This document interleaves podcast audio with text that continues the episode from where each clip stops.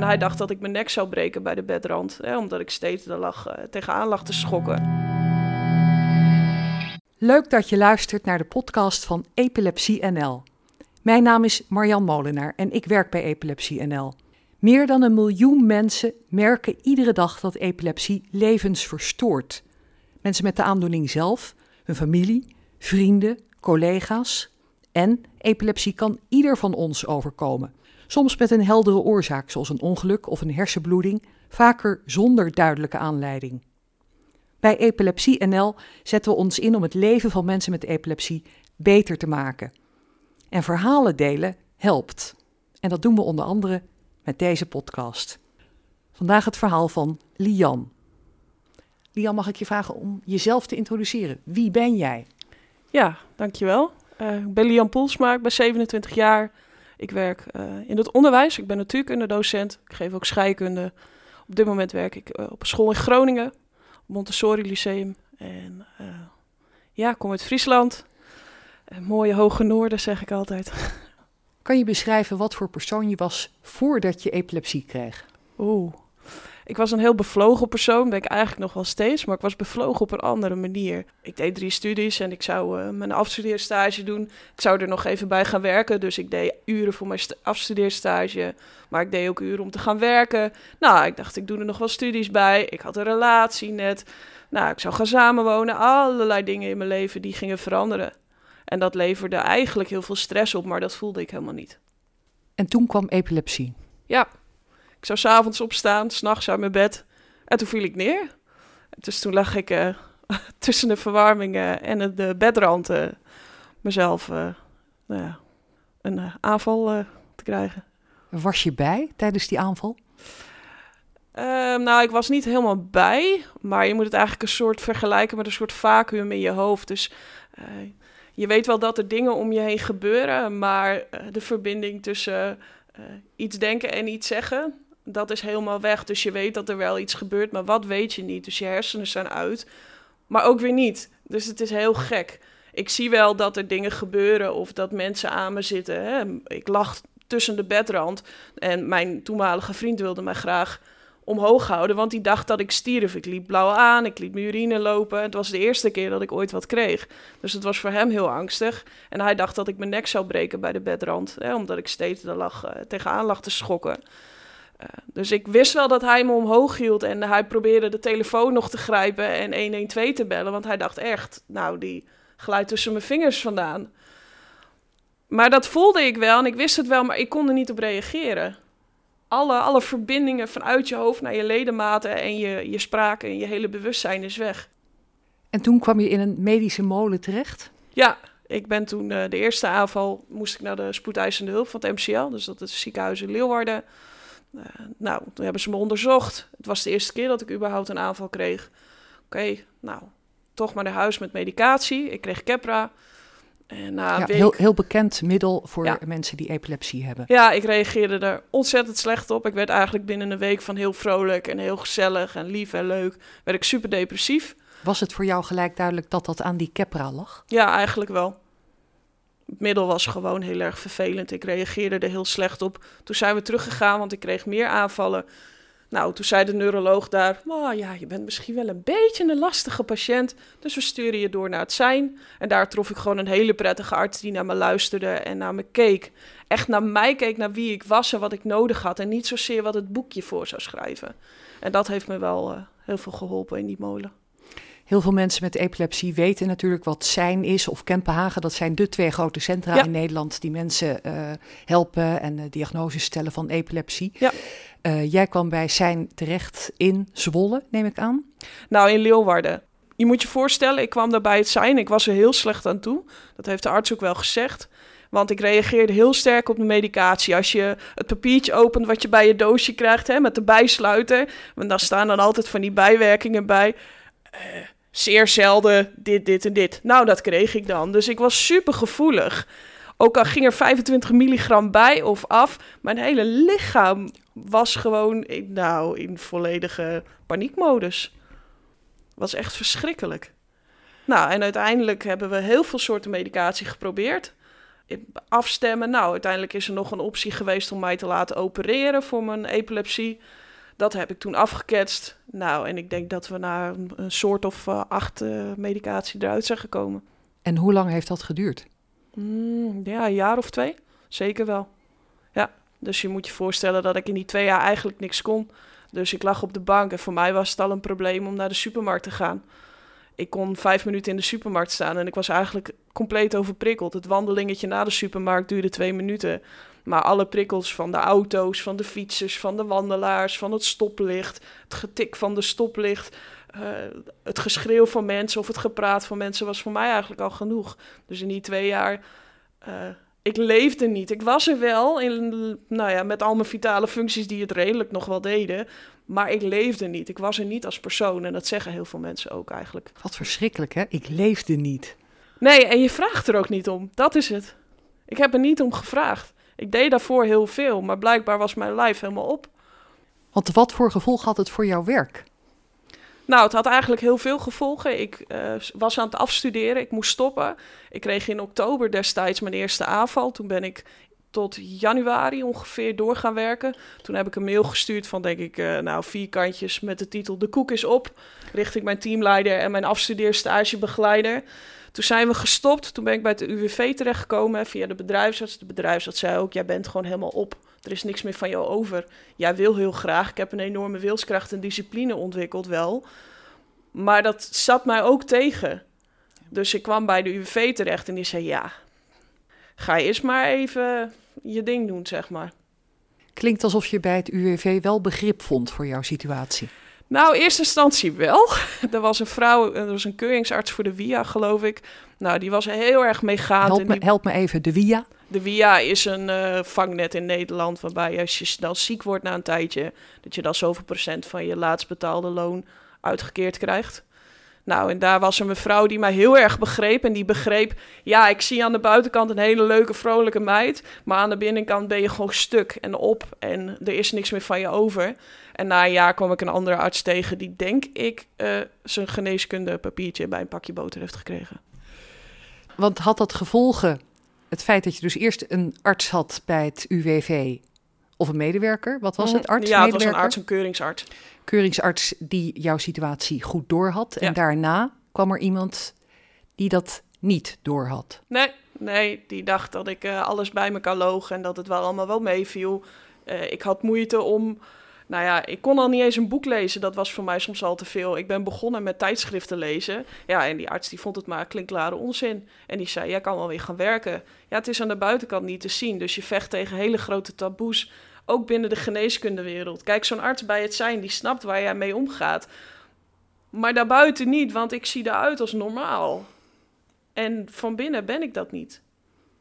En heeft, hebben de uh, artsen bij zijn nog iets kunnen betekenen voor de contacten met het UWV? Ja, mijn arts heeft een hele grote brief geschreven, ook met alle gevolgen van dien. Dus wat, wat voor gevolgen had het op mijn leven, mijn epilepsie? Nou, die arts die heeft het aan de kant gegooid. Die zei het zal wel. Niet te geloven. Nee. nee het is zo. Het zijn taboes in, uh, in, in Nederland hier binnen de. Wat bedoel je dan specifiek met taboe? Nou, omdat je het dan van de buitenkant niet ziet. En mensen kunnen zich niet inleven. Je moet je voorstellen, ik heb een belevingswereld waarin ik leef met epilepsie. En je hebt de belevingswereld van een arts. En daarbuiten, tussen die twee werelden zit een enorme ruimte. En je moet een beetje nader tot elkaar komen en uitleggen van, nou weet je, zo is het voor mij. Maar als een arts dan niet die toenadering weet te zoeken, of kan, of niet de capaciteit ervoor heeft, en dat klinkt heel naar, maar er zijn veel artsen die dat gewoon niet hebben, die sociale vaardigheden, zeg maar, ja, dan wordt het heel lastig.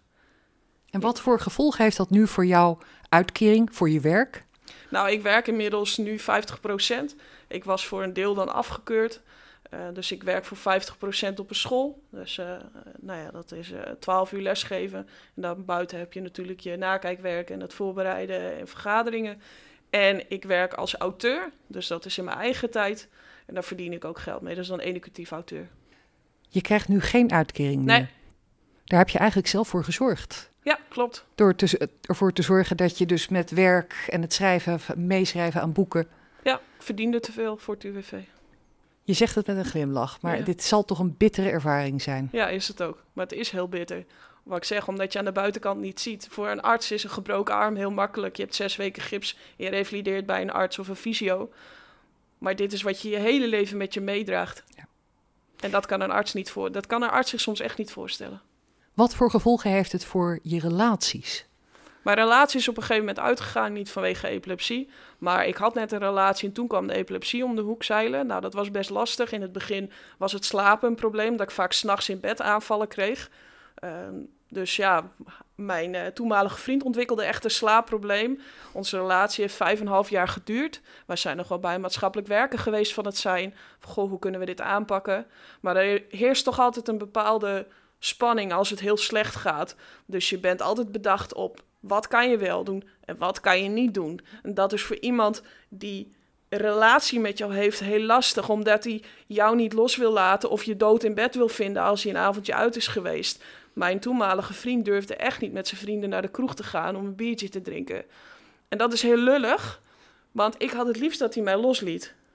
Maar vanuit jouw angst kun je ook andere mensen soms een beetje bij je houden en manipuleren. Van ja, maar ik ben toch bang dat ik een aanval krijg. Dus het is een hele gekke verstandhouding soms. Dus die relatie met je toenmalige vriend, die is overgegaan. Ja, Eh, wat voor gevolgen heeft het nog meer? eh, binnen een liefdesrelatie of familierelaties bedoel je? In het algemeen? In het algemeen. Nou, in mijn familie is er heel veel begrip. Eh, ik heb epilepsie gekregen toen ik al uit huis woonde. Ik ben op kamers gegaan. Dus voor mijn ouders, die hebben nooit echt de tonisch-klonische, dus de grote aanvallen gezien. Ze hebben wel kleine aanvalletjes gezien. Maar eh, bij hun heerste dan ook heel veel angst. En dat is heel moeilijk om te zien. En eh, daar heb ik het echt, nou, daar heb ik het soms best wel lastig mee. En ook Wat is dan vooral lastig? omdat je er geen grip op hebt. Ja. Het liefst wil je grip hebben op je angsten van de mensen die bij je staan en je wilt ze geruststellen, maar kan ze niet geruststellen. Ik ben er vaak heel cynisch en sarcastisch over. Dan zeg ik, ja, ik kan van de trap vallen en een aanval krijgen, weet je wel. Maar zo zit het leven in elkaar. En eh, ik heb daarmee leren leven, maar iemand die buiten mij staat niet. Ook mensen op mijn werk die zeggen, ja, maar ga je dan wel zwemmen? Of hoe zit het met sport? Of hoe doe je dit? Ja, dat, is, dat, dat neem je niet weg bij mensen. En soms wil je dat heel graag, omdat die mensen heel dicht bij je staan. Hoi, ik ben Miljuska en mijn dochter heeft epilepsie. En daarom ben ik ambassadrice van Epilepsie NL. Voorheen Epilepsiefonds en Epilepsieverenigingen Nederland. Nu is het allemaal bij elkaar gekomen en is het super overzichtelijk op epilepsie.nl. Wil jij nou weten wat epilepsie in het leven doet van mensen? Of heb je het misschien en zoek je antwoorden? Check dan onze website. Welkom bij de podcast van Epilepsie NL. Vandaag het verhaal van Lian. Jouw epilepsie. Heeft dat ook gevolgen voor hoe je woont? Op dit moment woon ik alleen. Eh, daar heb ik ook bewust voor gekozen. Ik heb ook een hond. Die hebben we toen genomen toen ik met mijn toenmalige vriend was. Dat was voor mij ook eigenlijk de steun en baken op het moment dat ik alleen was. Ehm, ik heb er wel bewust voor gekozen om alleen te wonen, om ook mijn angst onder ogen te zien. eh, en daarmee te leren leven. En die hond, is die eh, ook geschikt om te waarschuwen bij epilepsie? Heeft ze wel eens gedaan, ja. Ze heeft wel aanvallen meegemaakt toen ik alleen was. Eh, het is voor mij ook een bepaalde rust. Dus ja, of ze mijn aanvallen wel of niet voelt aankomen, dat is wel heel handig. Maar het creëert ook een bepaalde preventie. Dus je wordt wat rustiger van de hond. Je bent daarmee bezig. Het is je ritme. Epilepsie is heel fijn als je epilepsie hebt ook om een goed ritme te hebben. Dus ja, het is een soort eh, preventief eh, geneesmiddel, zeg ik altijd. En verder, als het gaat om prikkels, hoe probeer jij om te gaan met prikkels? Want daar heb je het nu een paar keer over gehad, dat Ja. dat eh, best wel soms heftig bij jou binnenkomt. Hoe ga jij daarmee om? Eh, ik heb geleerd om mijn grenzen heel goed aan te geven. Eh, tegenwoordig is het zo dat eh, mensen heel graag bij elkaar over mekaars grenzen heen rennen. Van je moet dan naar die verjaardag en je moet naar dat bijeenkomst en je moet hierheen. Maar door vallen en opstaan, hè, letterlijk, leer je waar je grenzen liggen. Dus op het moment dat je een bepaalde prikkelgevoeligheid ontwikkelt, weet je ook waar je grenzen liggen. Dus ik weet, ik kan best naar vrienden toe in het weekend, maar dan heb ik de zondagochtend rust voor mezelf. Dus het is leren balanceren met de energie die je hebt. Dus ik ga niet zes keer per week naar vrienden toe of naar de kroeg. Dat, dat soort dingen doe ik niet. Maar ik kies de momenten uit die voor mij heel waardevol zijn. En die prikkels laat ik toe. Maar bepaalde dingen zeg ik gewoon heel hard nee tegen. Je moet mij niet op een schoolfeest zetten op mijn werk. Want dat zijn heel veel prikkels. Daar heb ik dan last van de volgende dag. En dan, als ik dan om 11 uur s'avonds thuis zou komen, omdat je daar als leraar uh, patrouilleert, zeg maar. Daar kan ik niet meer om half negen de dag daarna fresh, fresh op mijn werk staan. Want dat, dat wil gewoon niet. Dus het is zoeken naar wat je echt wil. Wat wil je doen? Wat wil je doen met de energie die je hebt? En nee zeggen tegen andere dingen die niet waardevol voor je zijn. Maar daardoor zeg je wel ja tegen de dingen die je wel wil. En als ik te veel prikkels heb, ja, dan is het gewoon een uh, deken over mijn hoofd trekken en helemaal niks doen. Maar ik zie hier iemand die tegenover me zit, die heel uh, vastberaden overkomt. Heel goed formulerend. Was je altijd al zo of is dit gewoon echt ook heeft te maken met de keuzes die je hebt gemaakt? Uh, was ik altijd al. Ik ben vrij recht door zee. Dat zeggen mensen ook altijd in mijn omgeving. Ik heb een vader die ook zo is. Uh, dus ik weet heel goed wat ik wil. Maar door uh, epilepsie, dus je wordt teruggeworpen op je eigen staat van zijn. Dus wie ben je? Wat zijn je normen en waarden? Omdat je hebt te dealen met iets in je leven wat veranderlijk is. De ene keer kan het heel goed gaan. Je kunt jaren hebben dat het goed gaat. En soms lees je mensen, oh, ik heb na zes jaar weer een aanval gehad. Heel weinig dingen in het leven staan vast. Maar veranderingen staan wel vast. Het feit dat er veranderingen zijn. Uh, dus daarmee leer je dat wel goed communiceren. Ik heb in mijn tijd van epilepsie was ik qua taal best wel lastig voor mij. Dus uh, ik heb best wel zware aanvallen gehad, waardoor ik heel slecht meer kon lezen. Ik kon één zin lezen en daar was ik al heel moe. Mezelf goed uiten was voor mij heel lastig. Maar ik heb het lezen weer getraind en ik schrijf ook heel veel over de dingen die ik, over waar ik over nadenk, over waar ik over lees. Dus dan leer je heel goed formuleren. Heb je contact met andere mensen met epilepsie? Ja, we hebben Facebookgroepen uh, waar ik wel uh, bij zit en waar we wel contact hebben. En hoe helpt dat? Nou, omdat je ook uh, andere mensen met struggles ziet die ik ook al heb gehad. Dus je kan soms met mensen in gesprek gaan van... hey, joh, ik heb het zo beleefd. Of ja, je kan mensen helpen. En soms zie je ook verhalen wat mij ook nog wel helpt. Dus dan je belevingswereld is blijkbaar groter. Er zijn meer mensen die het ook hebben. Dus uh, dat geeft je ook een bepaalde vorm van geruststelling geestelijk. Ja, hoe dan? Nou, ik heb me in het begin soms best wel gevoeld dat ik denk, jeetje, ben ik nou heel erg gek? Maar ik heb dagen gehad waarbij mijn hoofd echt een soort spaghetti-brei was, kan ik je vertellen. Nou, er was geen houden meer aan. Het was zo ongesorteerd. En dan denk ik, ja, dat gevoel is heel moeilijk uit te drukken. De, maar als je daar andere mensen ook over hoort, of dat je daarover leest in Facebookgroepen, denk ik, oké, yes, ik ben echt niet alleen. dat gevoel van samen zijn is wel heel fijn.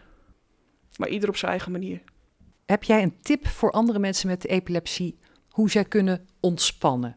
Ja, wat voor mij heel erg hielp was dus het sporten.